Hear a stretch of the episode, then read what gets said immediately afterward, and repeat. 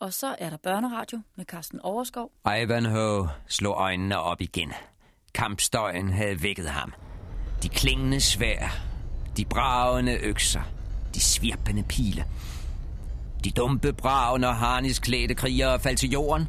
Den voldsomme kvasen, og køllerne gik i bund og efterlod svender og væbnere som blodige bunker. Og de tunge plask, når bueskytterne fik ram på borgens folk, og de faldt ud fra brystværnet som fugle på spid og dryssede ned i voldkraven. I den larm skulle man være døden nær for at slå mor videre.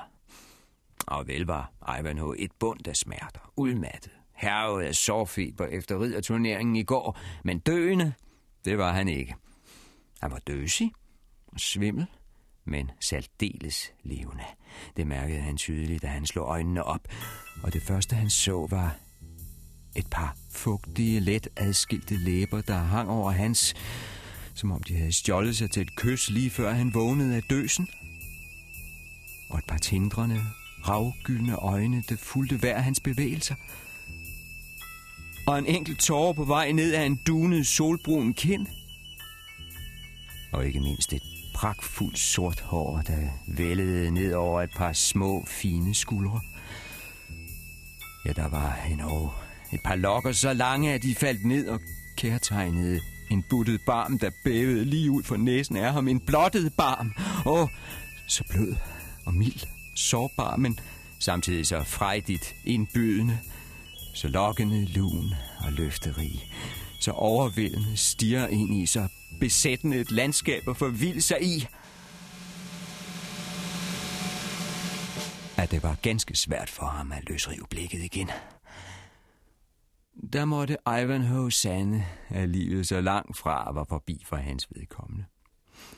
Han opdagede til sin forbløffelse, at blodet stadig kunne dunke i alle hans lemmer, og at den hede, han følte i hele kroppen, ikke blot kom af sårfeber. Ivanhoe kunne kort sagt fastslå, at han var i live endnu. Og vi andre kan fastslå, punkt 1, at den person, der sad lænet ind over ham, da han vågnede af døsen, var Rebecca. De brystede tager man jo ikke fejl af. Og punkt 2, at vi befinder os i den største af alle ridderhistorier. At vi nu går ind i 19. time af den definitive beretning om Ivanhoe.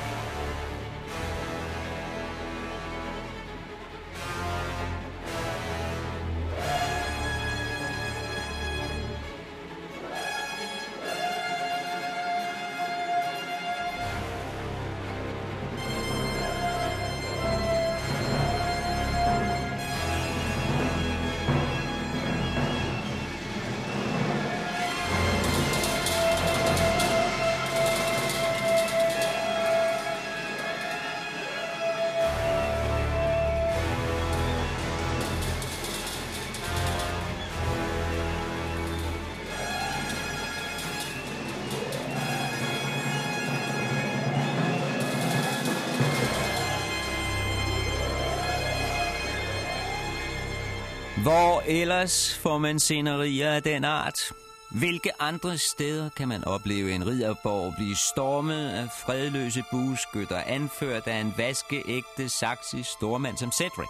Og en ridder i kulsort rustning, der ikke vil røbe sit navn. Spørg bare. I hvilken anden historie ligger hovedpersonen syg og såret det meste af tiden, så ovenikøbet indespærret som gissel, mens handlingen den brager løs udenfor? Og i hvilken anden fortælling bliver han plejet og passet af den skønneste pige nord for alberne? Isaacs sorthårede datter, Rebecca. Mens vi ikke hører en lyd om den pæne, lyshårede jomfru Rovena, hende han skulle forestille at være forelsket i. Og hvis vi dvæler lidt ved Rebecca, og det synes jeg bestemt, vi skal gøre ved enhver given lejlighed, så spørger jeg, i hvilken anden historie banker sygeplejerskens hjerte så hæftigt for den unge mand i sengen, at det overdøver både svær, køller og stridsøkser?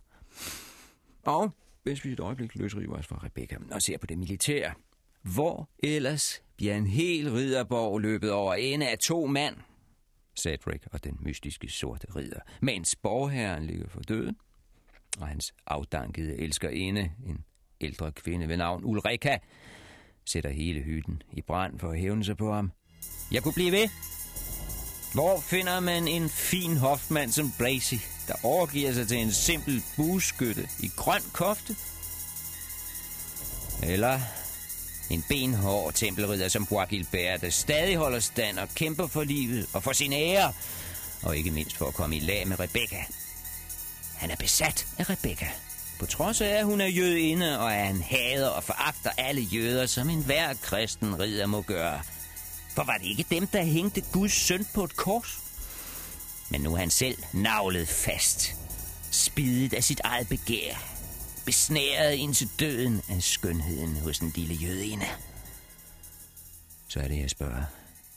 Hvor kan man møde så mange fuldstændig gale personer?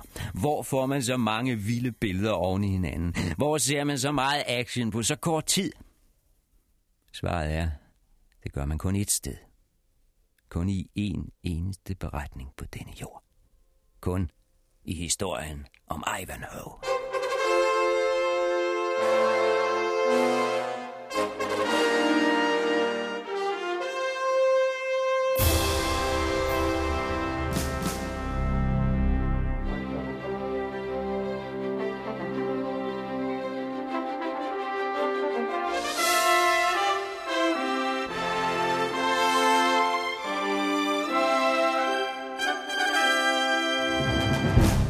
Rebecca?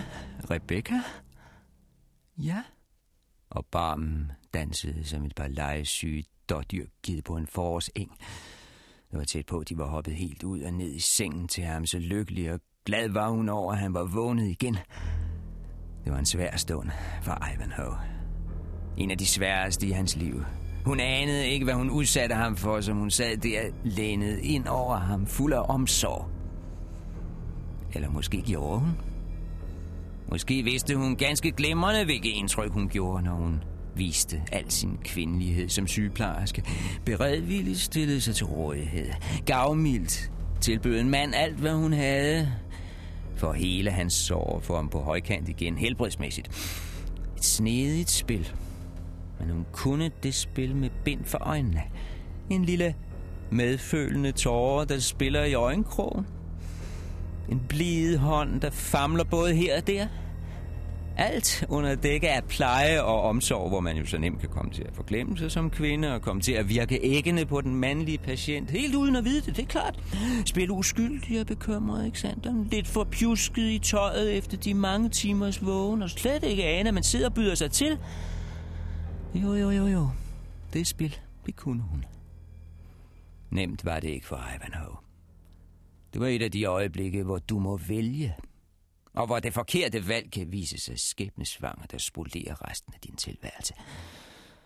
Skal man gribe ud efter den bristefærdige frugt? Eller skal man vente til den modner og selv falder ned i ens favn? Mm.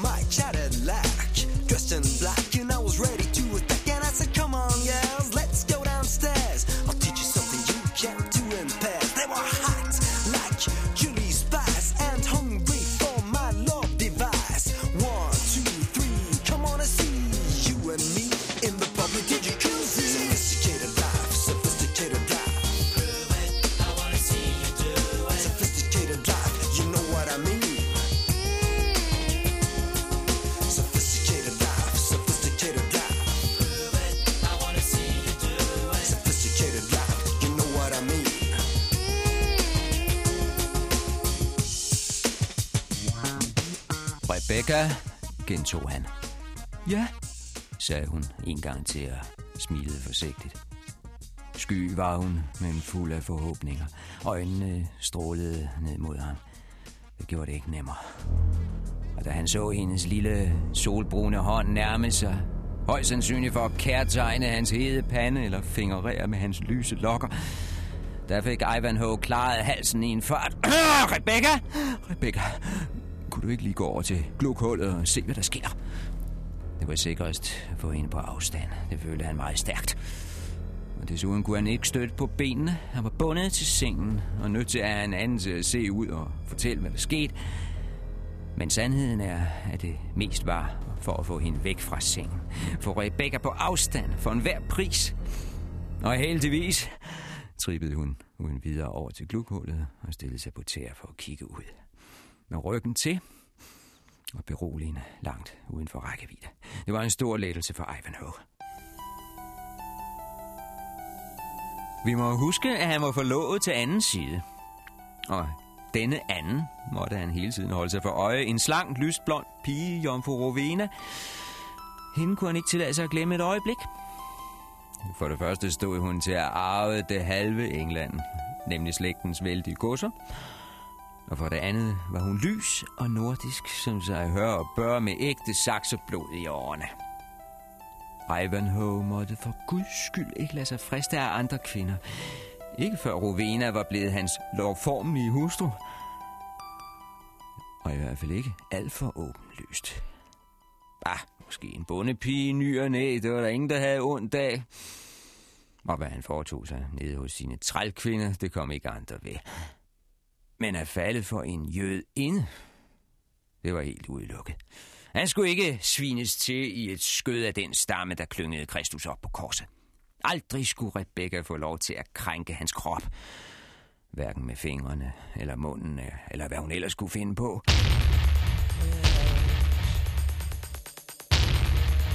Ivanhoe var fast besluttet på, at hans hvide kristne leme, det skulle aldrig besudles af en sortsmusket jødetøs.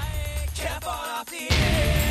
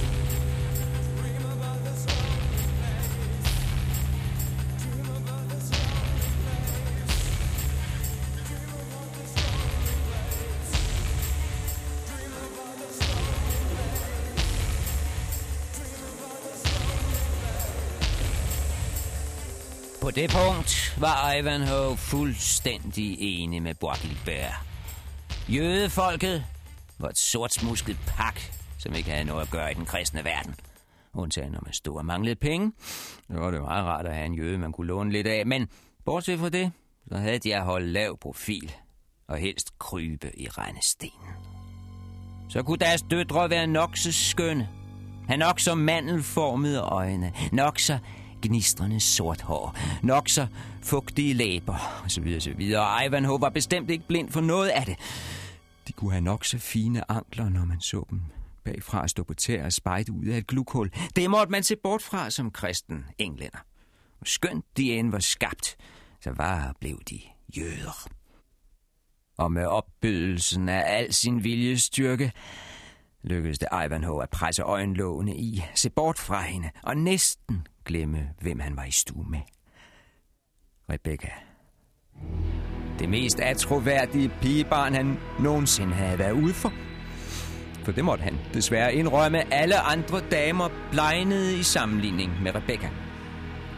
De ædle borgfruer, han havde tilbedt så lidenskabeligt i frankernes land – de lækre tøjter, han havde købt så dyrt i Rom. Kvinder så yppige og delikate, at selv paven var stamkunde i deres palæ. Og hele det harem af libanesiske danserinder, han havde mundret sig ved bag Akres mure. For ikke at tale om den persiske prinsesse, han havde delt med Richard Løvehjerte på køberen. Nu virkede hun nærmest som en tavlig tøs. De falmede alle sammen ved siden af Rebecca. Ja, selv den gådefulde nonne, som havde givet sig hen til ham foran Jerusalems port og åbenbaret så mange hemmeligheder for ham og givet ham forsmag på himlens lyksaligheder en hel uge i træk. Nat og dag. Selv hun... Ja, selv hun fortonede sig i erindringen som en ganske ordinær skønhed sammenlignet med Rebecca. Derfor undrede det ham ikke, da hun sagde, man kan ikke se noget, for bare røg. Der må være ildebrand et eller andet sted. Og han undrede sig heller ikke, da der begyndte at lugte brændt inde i selve kammeret. Jamen selvfølgelig, tænkte Ivanhoe og gik ud fra, at det var sengen, der stod i lyslue. Glohed af det bål, der brølede i hans indre. Rygende af den ild, der slikkede om hans hjerte. Stukket i brand af de stikflammer, der jo gennem hans krop af lutter længsel efter Rebecca.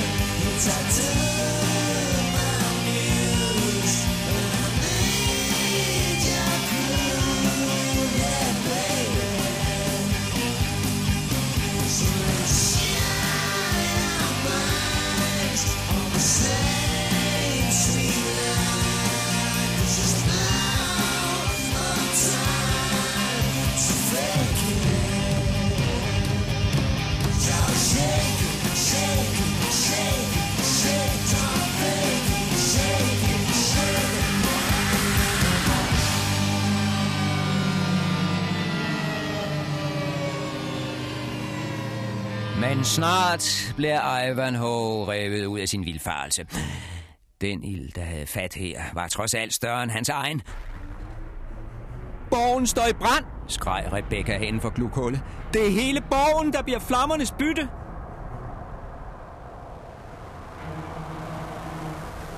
Og han hørte hendes små fødder ile tværs over gulvet tilbage til sygesengen. Vi er fortabt, sukkede pigebarnet. Nu igen helt tæt på. Røgen var kvælende efterhånden. Man kunne dårligt trække vejret i rummet. Hun havde tydeligvis ret i, at en større brand var under udvikling, og vel at mærke ikke en tilfældig lille ildløs antændt af en enkelt pil med flammende tjære. Nej, det kunne udmærke være hele borgen, der stod i lys lue, som Rebecca sagde. Og her lå han, lammet af sine sår og låst inde, dømt til selv at blive ædt op af flammerne. Hvor var de dog små, de problemer, han havde haft indtil nu? Herregud, at blive taget som gissel og ende bag lås og slå. Og ligge her med et par rifter, et brækket ben, en forvreden skulder, lidt feber. Det var den rene sviger sammenlignet med det, der nu forestod. Og hvad angår Rebecca, så måtte han se i øjnene, at den del af livet var forbi nu. Den tid, han havde tilbage, og det kunne næppe være mere end en halv times tid, den skulle ikke ødes bort på noget så uværdigt. Edel ville han være, edel til det sidste. At fanden havde gjort hende så forførende, så djævels dejlig. Det kunne hun ikke gå for. Det måtte ikke ødelægge en skæbne stund som denne. Hun skulle få ham at se fra den mest edle og værdige side, om det så blev det sidste, han foretog sig i denne verden. Så det var en roligere Ivanhoe. En mere afklaret mand, der åbnede øjnene igen. Og det første, han så, var ikke Rebecca, men den sorte og grå røg, der kom sivende op mellem gulvbrædderne og ind gennem døren, hvor kampen var utæt. Og det næste, han så, var en stime af mus og rotter, der styrtede tværs over gulvet og i samlet flok kravlede op ad den rå mur til glukhullet og kastede sig ud for tredje sals højde. Hellere det har de tænkt, end at dø på bålet i denne brandfælde af en borg.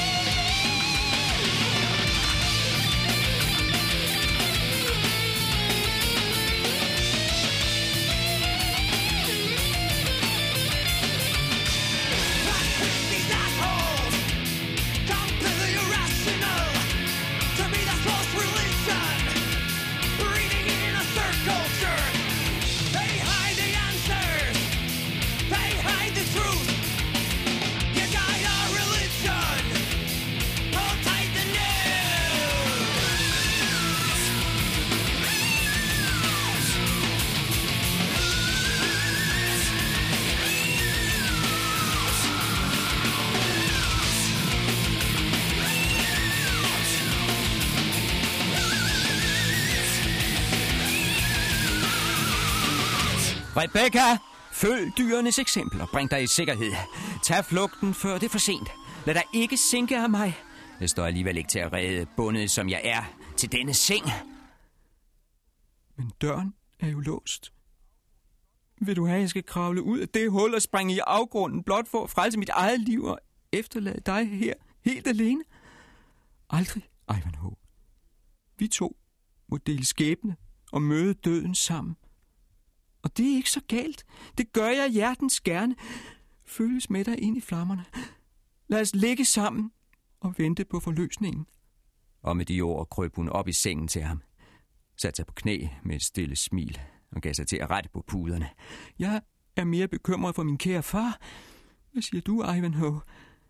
Hvordan vil det gå ham ned i hundehullet, når hele borgen styrter sammen over ham? Ivanhoe sagde ingenting. Dels fordi røgen stod så tæt i luften, at man skulle passe på med at åbne munden, men mest fordi han havde travlt med at klynge sig til sengetæppet og holde fast, holde fast for enhver pris. For tænk, hvis hun tog tæppet og lindede på det og kravlede ind til ham. Men i det øjeblik raslede nøglen i døren. Og i næste nu blev den revet op, og røgen væltede ind som en togbanke, der begærligt fylder en bjergkløft. Og midt i røgen fulgte en frygtelig skikkelse. Vild og forrevet. Sodet og tilsølet. Laset og drivende af blod. Please hear me now. Do you see what you've done to me?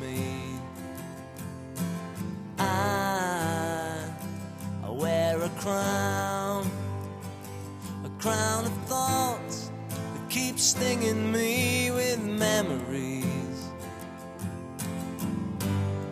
And I can't let go.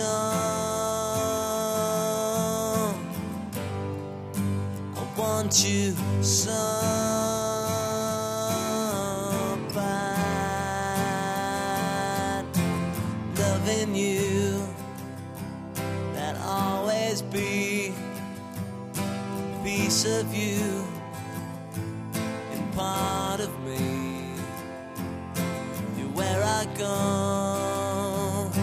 in what I see, in what I do, and how I feel.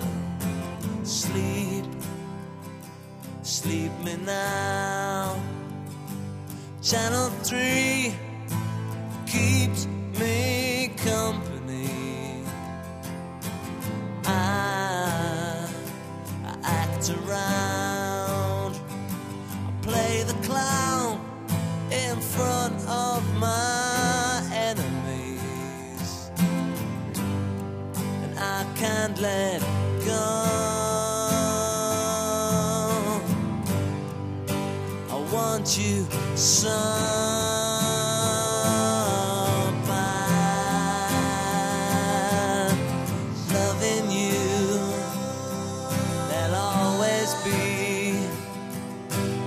piece of you and part of me.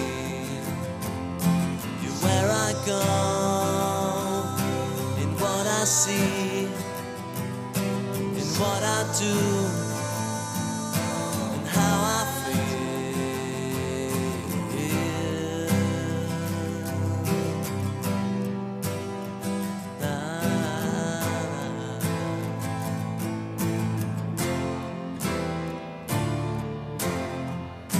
var tempelridderen i egen person.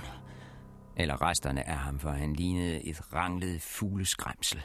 Briand de Bois-Gilbert, frankernes førende ridder. Den benhårde, den værbitte.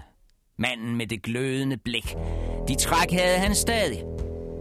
Vel var der buler i rustningen. Vel var hans kjortel revet i lasse og plettet af blod i store plamager. Og der var ikke meget tilbage af fjerbusken i hjelmen. Han lignede en hane, der lige har været i kamp, afpillet, skrammet og med de sidste fjer klæbet ind i blodet. Men barsk var han stadig, Bois Gilbert. Benet, sej og høj som et tårn. Og hans skarpe blik var heller ikke svækket. Hans vildt stikkende øjne skar som stråler gennem røgen. og de fandt hurtigt, hvad de søgte. Du kommer med her, sagde han, og hans tunge spillede om læberne som en slimet slange ved synet af Rebecca i sengen. Der er allerede ret op til dig andet sted, min pige. Og du vil finde, at frankiske laner er langt at foretrække. Og at Bois er en langt bedre mand at bakse med end en britisk bondeknold som ham der, jeg siger dig, min snut. At alle dine hedeste drømme skal gå i opfyldelse i min seng, plus en del mere, som du ikke har forestillet dig i din vildeste fantasi. Rebecca klyngede sig først til Ivanhoe, men indså snart, at den unge ridder ikke var meget bevendt som værn for en jomfru i nød, syg og svækket som han var. Derfor sprang hun hurtigt ud af sengen og stillede sig bagved på spring, klar til at undvige at løbe rundt om sengen, hvis tempelridderen trådte frem for at fange hende. At søge ly hjørne af kammeret, det kunne der slet ikke være tale om. Håbløst at prøve at gemme sig. Rebecca vidste alt for godt, hvordan det var at blive trængt op i en krog af Borgilbær. hun huskede stadig hans hede ånde fra sidst. Hans hissige hænder. Hans ubendige kraft. Hans grådige negle i hendes hud. Og hun ville aldrig glemme det jernhårde bæltespænde, der ubarmhjertigt borede sig ind i hendes jomfruelige kød. Kinda slow, yeah,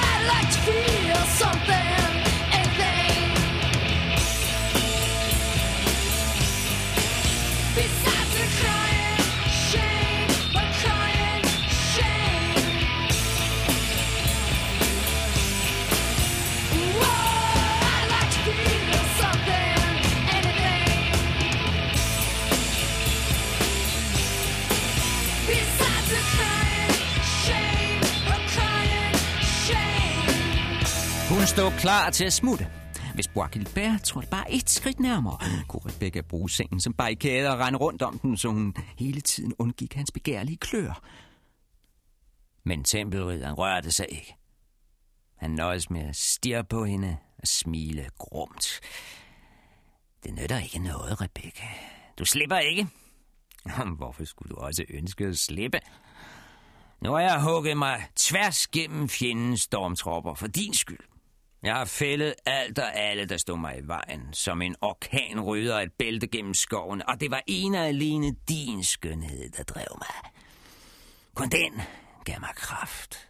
Jeg har banet en blodig vej gennem borgen, netop for os to, så nu følger du med her. For min skyld, der kan du klynke lige så meget du vil. Du kan jo ikke vide, at dine små snøft, at de snart vil gå over i vilde frydeskrig. Du har ikke noget valg, Rebecca. Det er dig, jeg har kæmpet for hele den udslagende dag.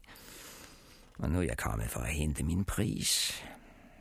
I nat vil jeg nyde den i fulde drag, hvad end du piver eller synger. Og jeg tror, du har opdaget, at vi bliver to om den nydelse. Men Rebecca skulle ikke nyde noget. Hun afviste hans pral, smiger og søde løfter. Men i det øjeblik lød der et vældigt buller.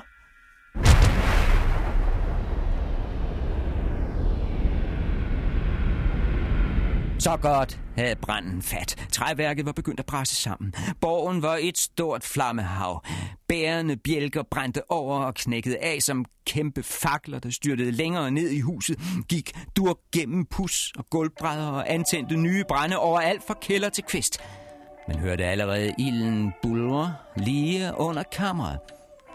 Og Rebecca måtte se i øjnene, at hun ikke kunne blive stående her og skændes med den åndssvage tempelridder.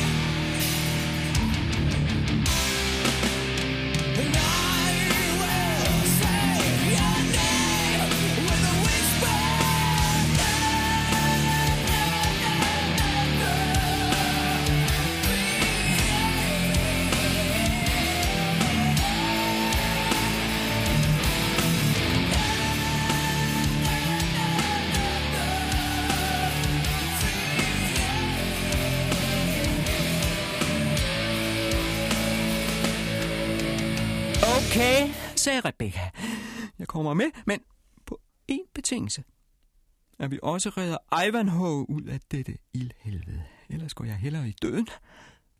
Ivanhoe, snærede Brokilbær. Aldrig i livet. Han må klare sig selv. Han kalder sig ridder, gør han ikke? Så ved han vel, at en ridder må finde sig i sin skæbne. Hvad enten den kommer i form af sværet, lansen eller ilden. Men Rebecca holdt på sit. Hun nægtede at forlade rummet uden Ivanhoe. Og desuden, så skal vi have far med ud. Han sidder nede i fangehullet. Hvis du ikke frelser de to også, Ivanhoe og min stakkels far, så rører mig ikke ud af pletten. En gammel jødesmås. Jamen, du må være gal. Jeg rører ikke en finger for din far. Hvad jøder angår, så kan den ene død være lige så god som den anden. Der sagde du et sandt ord, Bror Gilbert. Jeg er jo også jøde, glem ikke det. Og som jødinde og jomfru vil jeg foretrække enhver form for død, frem for ind i kløerne på dig. Der blev det på Gilbert for meget. Hvorfor overhovedet stå og diskutere med det pigebarn? Hun havde udseende med sig bevares. Men skønhed giver ingen kvinde ret til at sige en mand imod. Skønhed giver ikke en kvinde ret til noget som helst, for skønheden tilhører ikke hende selv, men en og alene den mand, som tager hende og besidder hende. Jo, Rebecca, hun var en dyrbar fangst. Han ville gå gennem ild og vand for at erobre netop hendes skønne læme, føre hende hjem i triumf og indlemme hende i samlingen, hvor hun uden tvivl ville overstråle alle hans andre erobringer. Men som person, der var hun ganske ubetydelig. Ren tøs. Næppe en dag over 17. Og så oven i købet en jødetøs. Hvad bildte hun sig ind? Nej, hvad den pige trængte til, var en fast hånd. Resolut handling. Kort proces. Og han sprang frem i rummet, nåede hen til sengen i to skridt, satte af og hoppede tværs over, mens Ivanhoe lå og trykkede sig under tæppet. Det kom fuldstændig bag på Rebecca. Hun nåede ikke at reagere, før hun mærkede de iskolde, stålagtige hænder om livet. Det greb, hun havde frygtet mest af alt. Den skruestik, som skulle holde hende fast fra nu af og lige ind til døden.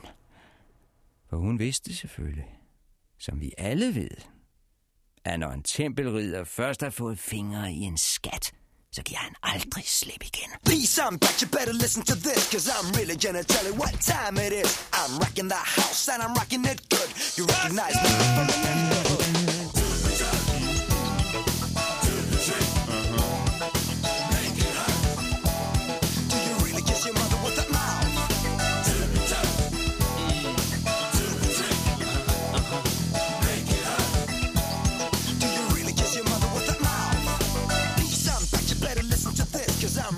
tell you what time it is. I'm rocking the house and I'm rocking it good. You recognize me from the neighborhood. The neighborhood, the whole crew came from. So I'm really gonna mm, drop you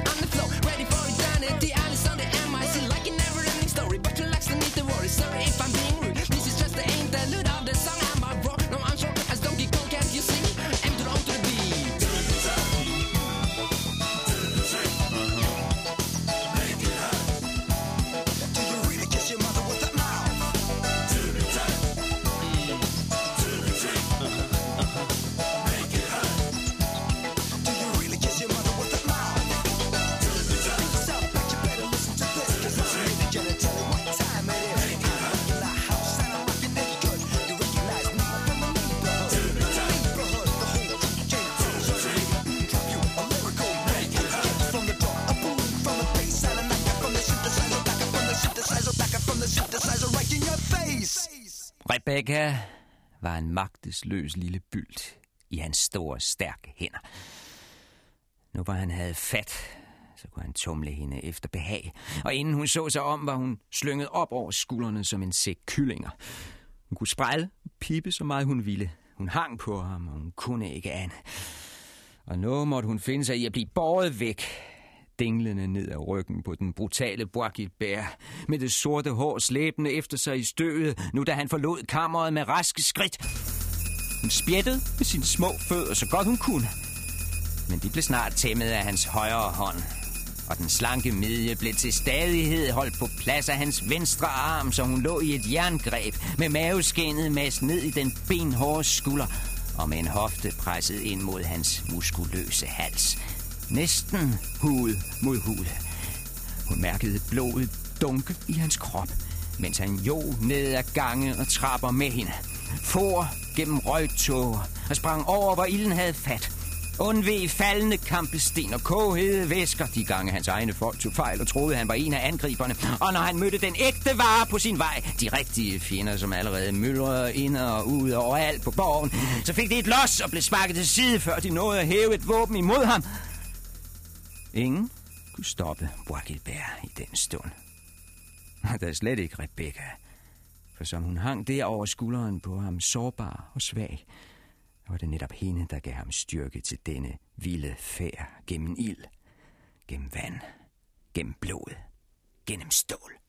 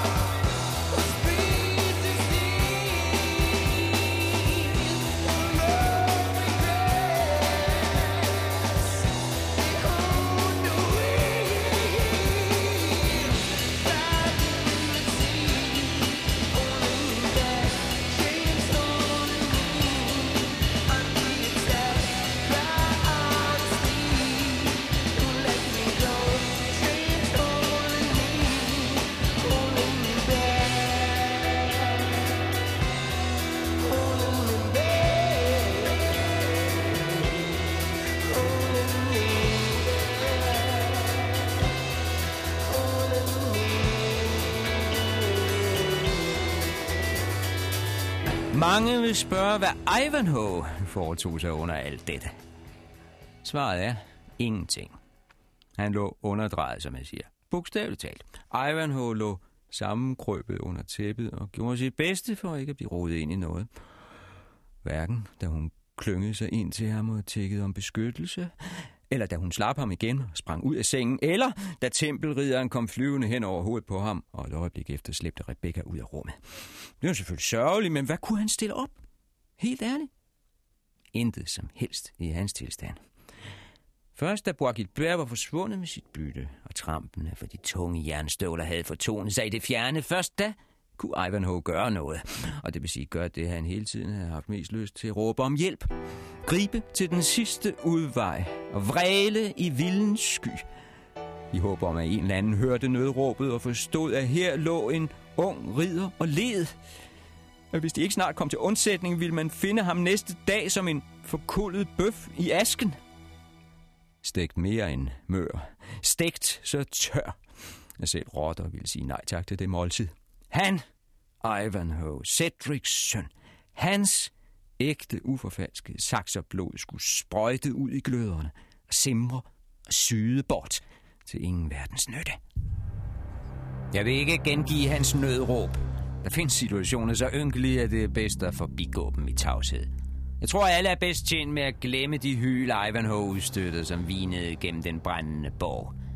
Nej, så hellere hylet for sejrherrens horn.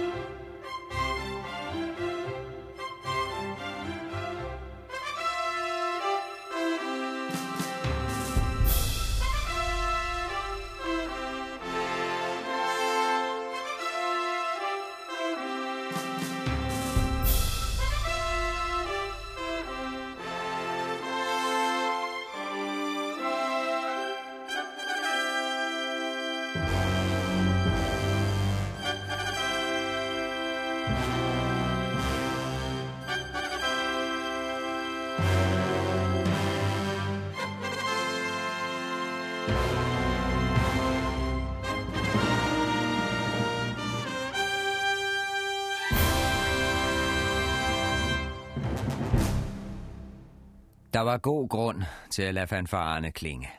Borgen var løbet over ende og stort set indtaget. Ja, der var stadig enkelte modstandslommer, hvor forsvaret holdt stand, men i store træk var striden overstået, og belejringen faldet ud til de fredløses fordel. Som sagt var Cedric og den sorte ridder de første, der trængte ind af porten. Men snart fulgte de fredløse efter i stort tal og fejede forsvarende til side. Trods det, at borgen stod i flammer på det tidspunkt, så var der ingen noget for de folk, der havde holdt den. Hævnens time var inde, blodrusen havde grebet alle.